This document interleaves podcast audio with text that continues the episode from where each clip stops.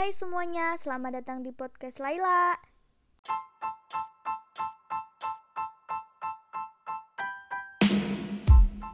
Kabarnya nih, aku harap semuanya sehat ya. Walaupun sama-sama di rumah aja karena pandemi ini. Eh, tapi udah new normal ya?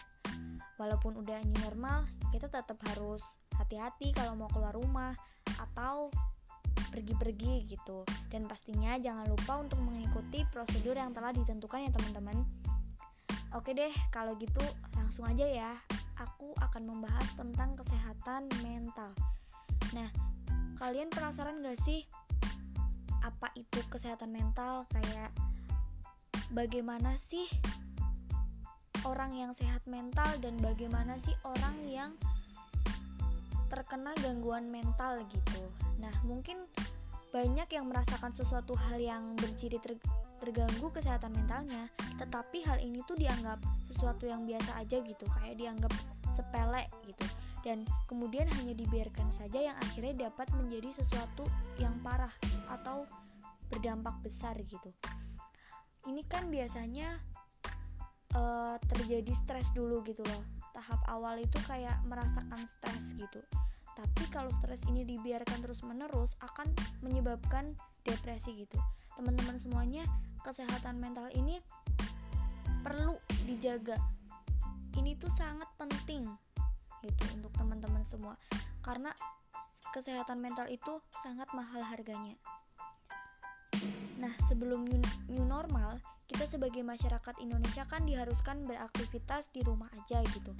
Dari mulai ibadah terus belajar bekerja pokoknya hal-hal yang tidak yang seharusnya di luar dan bisa dikerjakan di rumah itu sebaiknya dilakukan di rumah gitu. Keluar itu hanya untuk melakukan hal-hal yang penting aja gitu.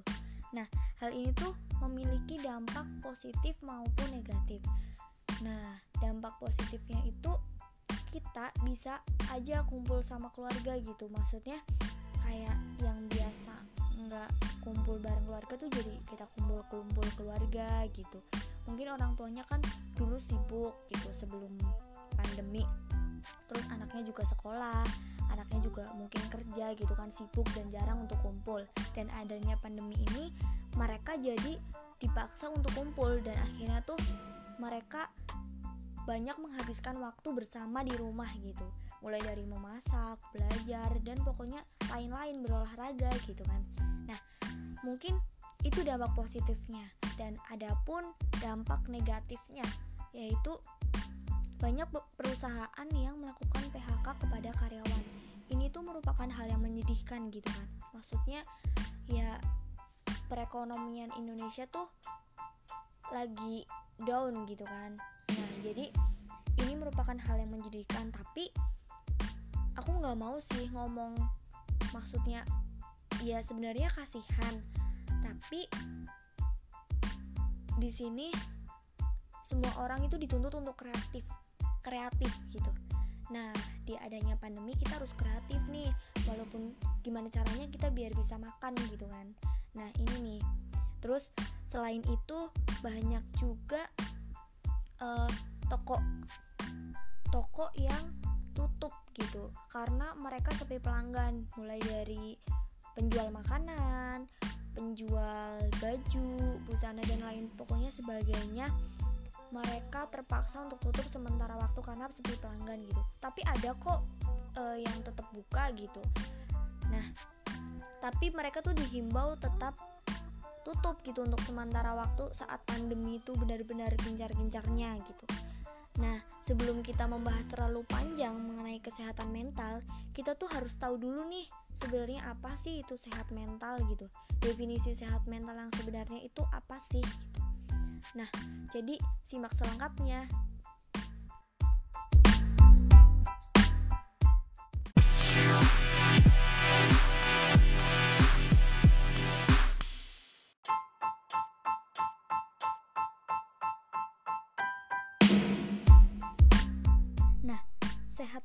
sebenarnya menurut WHO adalah kondisi di mana seorang individu mampu menyadari kemampuan dirinya, mampu menangani dan menghadapi stres yang terjadi pada dirinya. Selain itu, dia juga mampu bekerja secara produktif dan mampu memberikan kontribusi serta manfaat untuk orang lain. Selain itu, ada pengertian sehat menurut Kementerian Kesehatan, yaitu kesehatan yang baik adalah kondisi ketika batin kita berada dalam keadaan tentram dan tenang sehingga memungkinkan kita untuk menikmati kehidupan sehari-hari dan menghargai orang lain di sekitar kita. Orang yang bermental sehat dapat menggunakan kemampuan atau potensi dirinya secara maksimal dalam menghadapi tantangan hidup serta menjalin hubungan positif dengan orang lain. Gambaran sehat mental itu gimana sih? Nah, ketika kita sehat mental, kita bisa bekerja dan berinteraksi serta bisa menjalankan fungsi sehari-hari dan bisa menangani stres yang ada. Jadi ketika kita memiliki stres kita tuh dapat mengatasinya gitu. Jadi nggak terus-terusan kita merasakan stres itu. Jadi kalau misalkan kita stres kita tahu cara menanganinya. Cara menangani stres mungkin kita dengan jalan-jalan. Karena pandemi mungkin ya kita di rumah game atau olahraga atau sharing dengan bapak ibu. Pokoknya jangan biarkan kita merasakan stres. Jangan kita jangan biarkan kita stuck dalam stres itu. Yang memungkinkan stres itu dapat menyebabkan kita menjadi depresi. Nah dikutip dari ala dokter gangguan mental atau gangguan jiwa adalah penyakit yang mempengaruhi emosi pola pikir dan perilaku penderitanya sama halnya dengan penyakit fisik, penyakit mental juga ada obatnya. Jadi, jangan sampai kalau ada orang yang terkena gangguan mental, tuh kita malah menjauhi. Sebenarnya orang yang terkena gangguan mental itu sama seperti kita. Mereka tuh sama seperti kita, belum yang ke tahap yang udah gila gitu ya, belum. Mohon maaf. Nah, tapi kita tuh harus merangkulnya, kita harus mengobatinya gitu membantu agar mereka tuh sembuh dari gangguan mentalnya gitu. Nah di, di Indonesia penderita gangguan mental diidentikan dengan sebutan orang gila atau sakit jiwa dan sering mengalami perlakuan yang tidak menyenangkan bahkan hingga dipasung. Padahal penderita gangguan mental ini bisa dibawa ke rumah sakit untuk diberikan pengobatan. Tapi jika gangguan mental itu masih tahap yang tidak begitu serius itu bisa dibawa ke psikiater dulu untuk untuk menanyakan cara pengobatannya bisa diterapi dan lain sebagainya. Jadi jangan sampai kita mencaci maki mereka seperti orang gila gitu.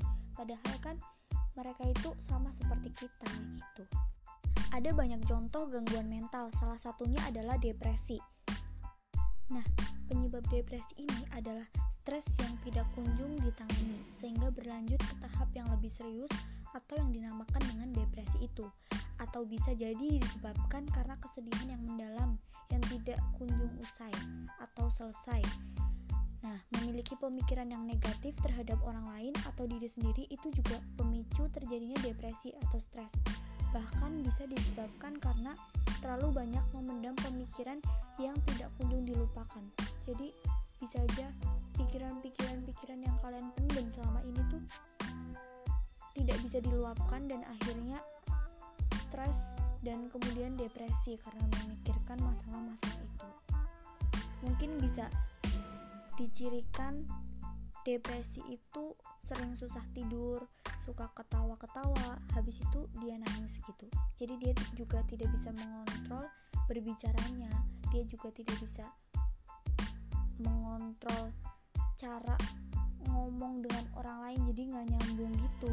Dan orang-orang jadi salah paham gitu.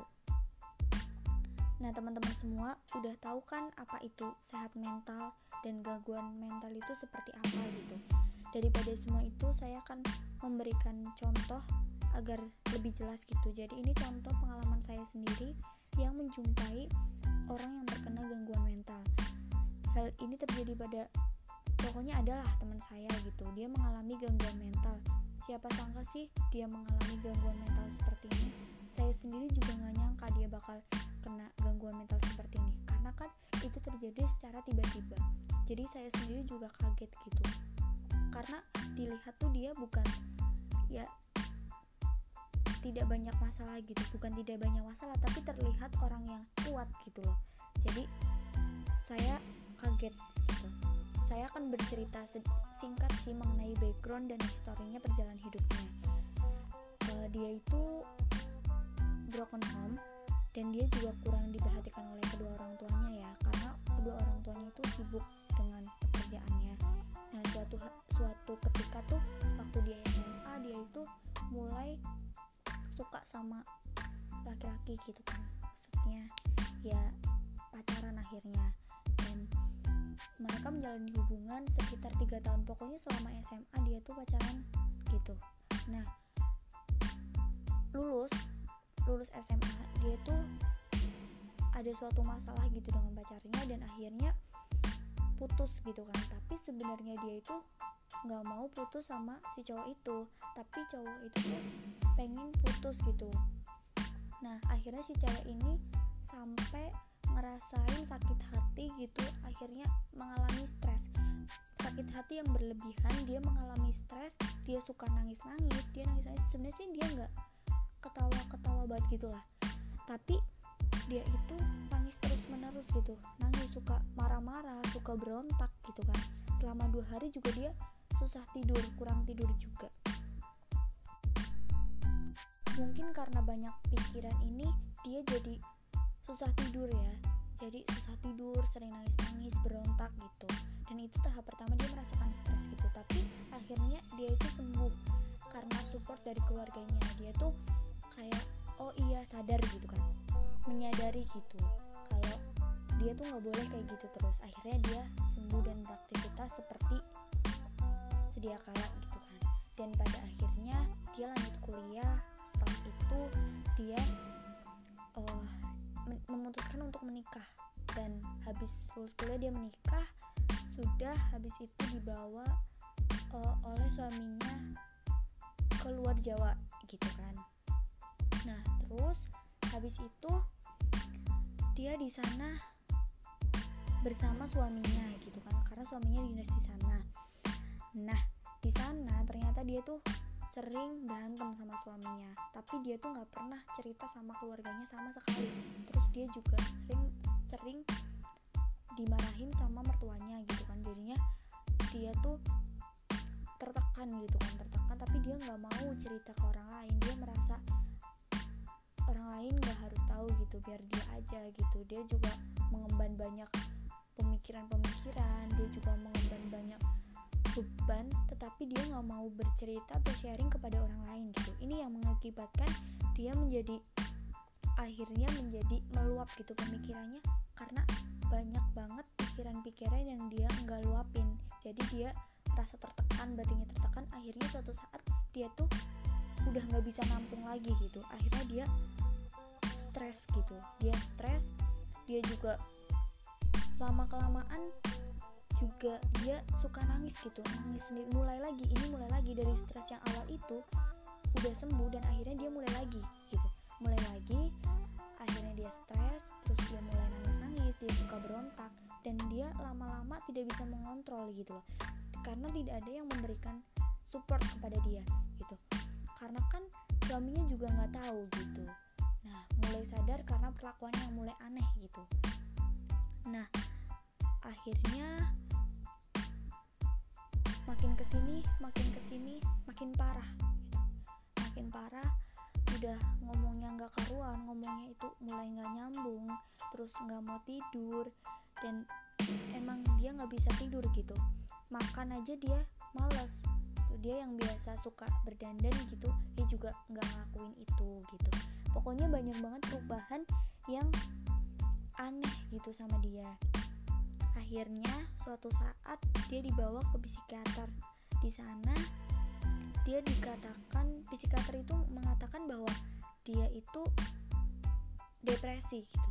Depresi tapi belum ke tahap yang serius sih masih ke tahap yang ringan. Depresi itu karena tekanan. Tekanan dari banyak hal. Intinya lingkungan yang dia suka berantem sama suaminya atau dia yang suka dimarahin sama mertuanya gitu. Karena mertuanya itu benar-benar neken dia gitu.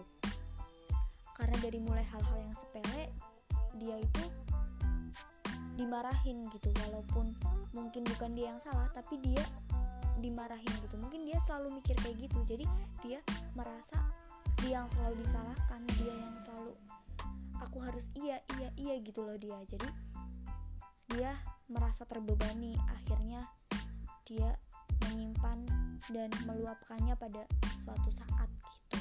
Akhirnya saat itu tiba dia meluapkan semuanya. Dia benar-benar ngomong gitu ngomong semua yang ada di dalam pemikirannya selama ini gitu. Dia luapkan semuanya. Tanpa dia sadari dia ngomong semuanya. Dia nggak bisa kontrol karena dia udah masuk tahap yang depresi yang benar-benar udah nggak sadar gitu nggak bisa kontrol dirinya walaupun masih kenal sama orang-orang di sekitarnya mungkin itu gitu. Hal ini terjadi juga mungkin karena kekecewaan yang terjadi dalam hidupnya gitu. Banyak banget masalah sama kecewa yang mungkin dia pendam dia nggak mau cerita ke siapa pun. Jadi ini ini pemicu dia menjadi seperti depresi yang sudah tidak bisa mengontrolnya lagi gitu. Ya itulah contoh yang mungkin bisa teman-teman ambil hikmahnya pelajarin gitu. Jangan jangan memendam sendiri gitu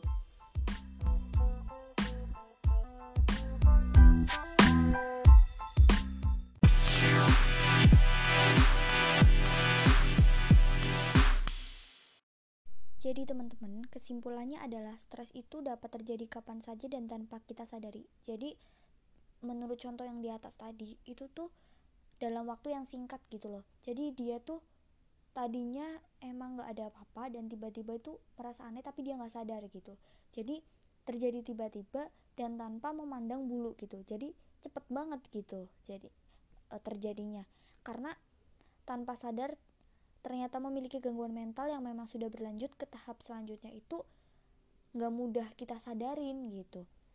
Gangguan mental yang tanpa kita sadari dan tanpa sadar yang orang mengalami gangguan mental itu banyak memikirkan sesuatu yang seharusnya tidak terlalu dipikirkan. Juga memiliki keinginan yang mana hasilnya harus secepat mungkin diraih gitu. Dia juga berhalusinasi ingin menggapai sesuatu. Jadi masalah gangguan mental itu banyak sekali mungkin gara-gara ini gara-gara itu gara-gara apa gitu jadi misalnya ingin impian menjadi orang kaya gitu mungkin terlalu bermimpi setinggi langit menyebabkan mentalnya tidak kuat dan akhirnya sakit gitu. Nah, selain itu juga karena tekanan, mungkin tekanan dari lingkungan kita yang benar-benar bikin kita merasa tertekan gitu. Maka dari itu, kita harus menyadari ketika kita stres, kita harus segera konsultasi atau setidaknya kita bercerita kepada orang, biar kita sharing kepada orang, membagi cerita kepada orang biar kita nggak merasa sendirian kita merasa dihargai gitu. Jadi kalau emang itu nggak mungkin kan kita bisa berkonsultasi. Banyak konsultasi yang profesional mungkin yang dapat mungkin nggak bisa membantu atau menyelesaikan masalah. Seenggaknya bisa membantu meringankan beban memberi saran agar tidak merasakan stres terus menerus gitu nah oke okay. mungkin dari itu Yuk, makanya kita tingkatkan kesadaran kesehatan mental. Dan saya himbau, yuk kita bicara aja tentang keluh kesah kita. Merasa gak nyaman cerita sama temen? Kan kita bisa memanfaatkan bimbingan konseling. Gak usah takut diomongin sama temen, gak usah berpikiran kalau misalkan kita ke psikiater, kita terkena gangguan mental gitu. Gak nggak mesti gitu. Kita ke psikiater itu nggak mesti kita orang gila atau pemikiran-pikiran atau stigma-stigma negatif itu gitu karena kalau stres dibiarkan terus-menerus itu akan menyebabkan hal yang fatal gitu nah mungkin itu aja teman-teman yang bisa aku sampaikan dan uh, kita sama-sama belajar gitu dari cerita orang-orang, pengalaman dan lain sebagainya. Semoga ini bermanfaat buat teman-teman. Terima kasih teman-teman, sampai jumpa.